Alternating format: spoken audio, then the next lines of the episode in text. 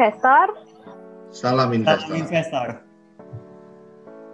Halo investor, kembali lagi bersama Capital Market Talk SMSB Undip. Sebelumnya kenalin aku Anunila Diva dari pemasuk dalam pembicaraan kita. Jangan lupa untuk subscribe dan follow semua akun SM SEB Undip untuk mendapatkan informasi terbaru mengenai pasar modal. Nah, Hidup di era digital yang disruptif memaksa kita untuk cepat dalam beradaptasi dan bergerak. Ini berlaku dalam segala aspek kehidupan termasuk dalam bisnis perbankan. Apalagi saat ini dihebohkan dengan wacana akan ada beberapa bank yang akan menjalankan operasional banknya secara digital. Lalu bagaimana sebagai investor dapat melihat peluang di balik ini? Serta bagaimana menyikapi euforia ini? Mari kita bahas dalam Capital Market Talk. Oke, sekarang kita udah punya nih narasumber yang super keren pastinya. Halo Feki, halo Krishna, apa kabar nih? Coba dong kenalin dulu biar para penonton CMC pada tahu. Oke, halo Diva, halo semuanya. Kenalin aku Feki dari Education Research and Development. Halo, aku Christian Risa Pedeksa dari Divisi Las Investment. Apa kabar Feki Diva? Halo, baik. Diva, apa kabar? Baik juga nih, Alhamdulillah. Nah, selain narasumber kita yang keren, tentunya bahasan kita hari ini bakal menarik banget nih, yang mana sesuatu yang baru dan sifatnya transformatif di masa sekarang, yaitu tentang bank digital. Tapi mungkin banyak dengan asing dan banyak orang yang belum tahu dan paham mengenai bank digital ini. Mungkin bisa dijelasin dulu mengenai apa sih bank digital itu?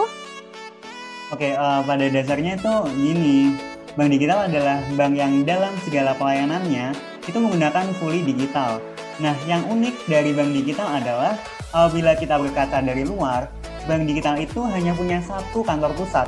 Jadi, bank tersebut mengoperasikan zero kantor cabang atau branch plus.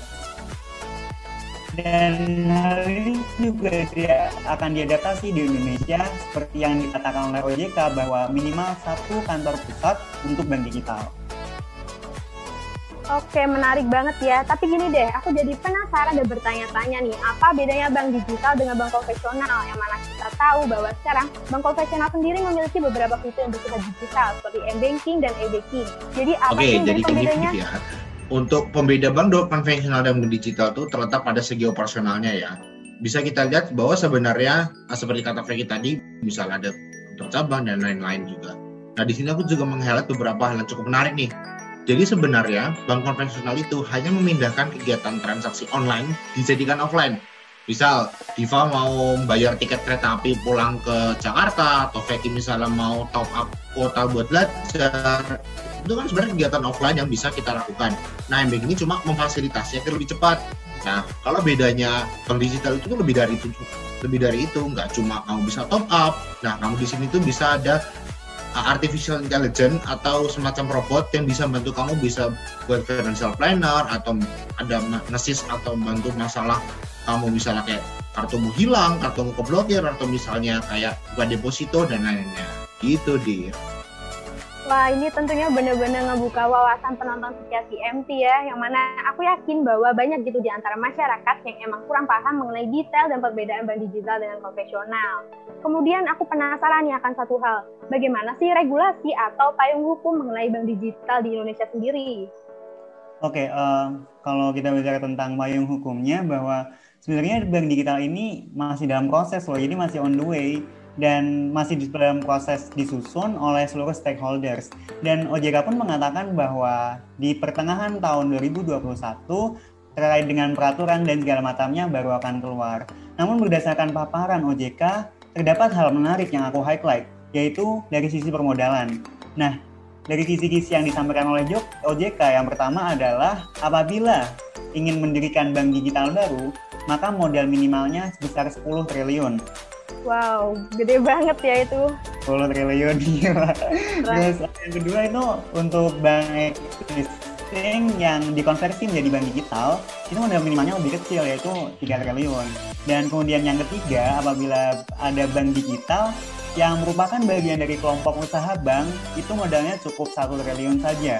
Dan uh, selain itu dari sisi permodalan tadi sudah saya bahas dan dikatakan juga oleh OJK bahwa harus ada model bisnis yang jelas dan realistis. Yang mana diharuskan udah ada segmen market yang jelas, kemudian rencana bisnis yang implementatif dan menggunakan teknologi yang inovatif dan aman, dan resiko keuangan dan keamanan digital. Oleh karena misalnya kita bicara tentang cyber security udah harus benar-benar nasabahnya karena bahkan tentang kepercayaan gitu ya apalagi di baru jadi keamanan itu adalah faktor yang sangat penting untuk keberadaan bank digital dan seperti yang aku bilang tadi di awal bahwa minimal satu kantor pusat di seluruh layanannya itu bisa jadi fully digital gitu. Eh bentar-bentar deh, kalau tadi regulasinya baru akan ada di pertengahan 2021, jadi sekarang ini bank digital udah benar-benar ada atau masih pada bayangan saja nih? Nah, kalau kita berbicara tentang keberadaan sendiri itu, jadi sebenarnya bank ini tuh belum ada ya, Div, untuk fisiknya, jadi masih baru berubah ke sana. Eits, tapi dengar-dengar dari OJK ini ada bocoran, ada beberapa bank yang sudah mengajukan izin untuk mengubah operasional menjadi digital. Misal ada Bank Arda Internasional, Bank Arda Indonesia, atau Bank Jago E. Ini bukan Bank Jago yang lain ya, ini Bank Jago dengan kode ARTO yang bertransformasi dari Bank Arto.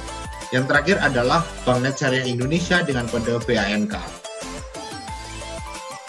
Gitu, oke bakal aku catat nih biar nggak lupa. Penonton setia CMT jangan lupa juga untuk catat cerita ini ini supaya ilmu yang kita terima hari ini bisa bermanfaat pastinya. Kemudian dengan euforia dari masyarakat besar, aku pengen tahu deh tentang gimana sih potensi dan arah gerak di bank digital nanti. Mungkin bisa ditinjau dari segi makronya gitu.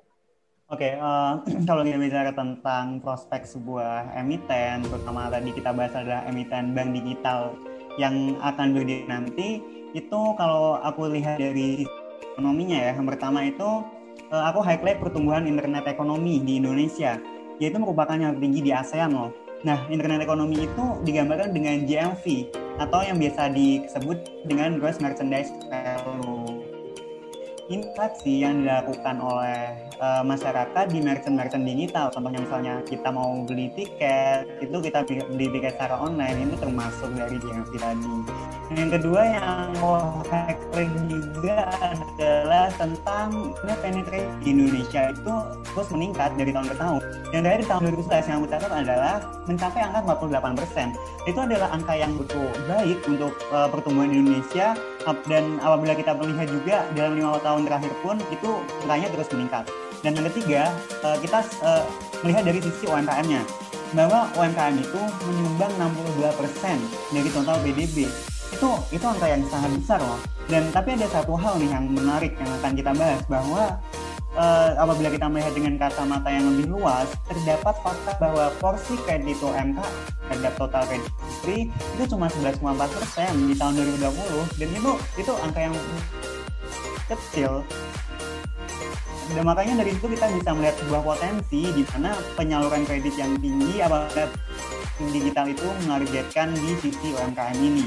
Dan kemudian dari total 60 juta UMKM di Indonesia, hanya 30% yang sudah mendapatkan fasilitas perbankan. Bayangan dari sekian banyak itu tadi cuma 30% yang sudah mendapatkan fasilitasnya.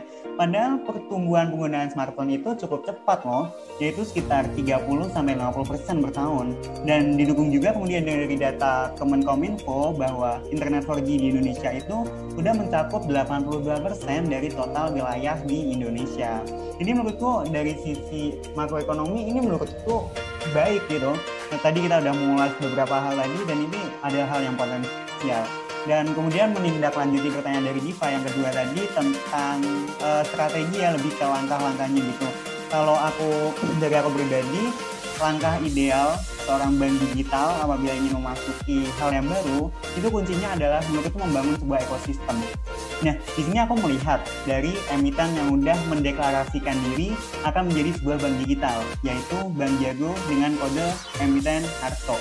Baru-baru ini Gojek mengakuisisi Bank Arto dengan e, mencaplok saham sebesar 22% dari saham Bank Jago.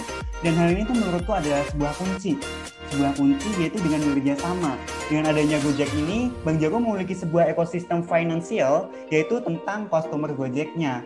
dan dari sini kemungkinan akan bisa disinergikan gitu antara Bank Jago dengan Gojek uh, yang mungkin dari customer-customer Gojek akan ada sinergi khusus dari Bank Jago entah itu mendapat fitur-fiturnya atau seperti apa akan kita lihat nanti ke depannya. Dan apabila juga nanti misalnya Gojek dan Tokopedia yang rumornya akan merger itu itu adalah akan menjadi hal yang kenyataan, ini akan menjadi prospek tambahan untuk Bank Arto. Jadi uh, untuk prospek dan langkah-langkahnya itu seperti yang udah aku sebutin tadi. Oke, berarti sangat potensial dan berpengaruh bangetnya. Nih, nah terus uh, dampak dari adanya sentimen ini ke emiten terkait itu apa aja sih? Kan pastinya bakal berpengaruh besar tuh. Nah, bener banget, Tiff. Ini tuh yang paling paling kerasa itu biasanya di emiten yang berpengaruh atau misalnya punya hubungan langsung dengan berita ini. Misalnya salah satunya adalah salah dua sih. Aku ngambil antara Bang Arto sama Bank Harga Indonesia yang sudah BBHI dan uh, eh, ARTO. Nah, kode Bank Jago ini dengan kode RTO sudah naik sebesar 174,31 dengan harga tertinggi itu 11,375 rupiah per lembar saham. Nah, disusul oleh Bank Harga ini kenaikannya cukup fantastis ya, sekitar 633,87 persen dalam tiga bulan terakhir dan menyentuh harga tertinggi sebesar 2.410 per lembar saham. Tentu senang banget dong, siapa yang nggak senang mau untuk nambah ratusan persen. Nah, di sisi itu, yang membuat kita bangga adalah nilai transaksi ini dan volume transaksi yang besar ini didorong oleh para investor lokal Indonesia. Nah, berapa sih nilai yang ditransaksiin tuh? Nah, kalau untuk misalnya Bang Harda itu sebesar 3,8 miliar dan untuk Bang, ja Bang Jago itu sebesar 3,0 miliar. Nah, tentu gede banget dong nilainya 3, M ya.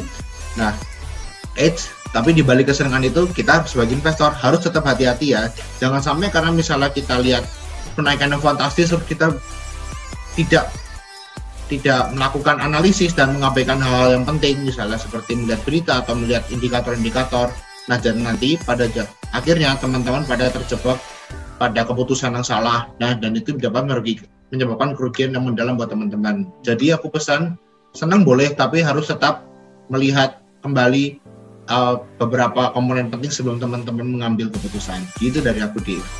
Jadi uh, jadi kita sebagai investor emang nggak boleh ya terpengaruh oleh orang lain dan harus pintar-pintar buat menganalisis kondisi fundamental maupun teknikalnya agar tidak terjadi sesuatu yang tidak diharapkan ke depannya. Nah, baik, uh, makasih banget buat Seki dan Krisna atas penjelasannya. Nah, itu tadi penjelasan Kapital Market Talk pada episode kali ini. Terima kasih untuk perhatiannya.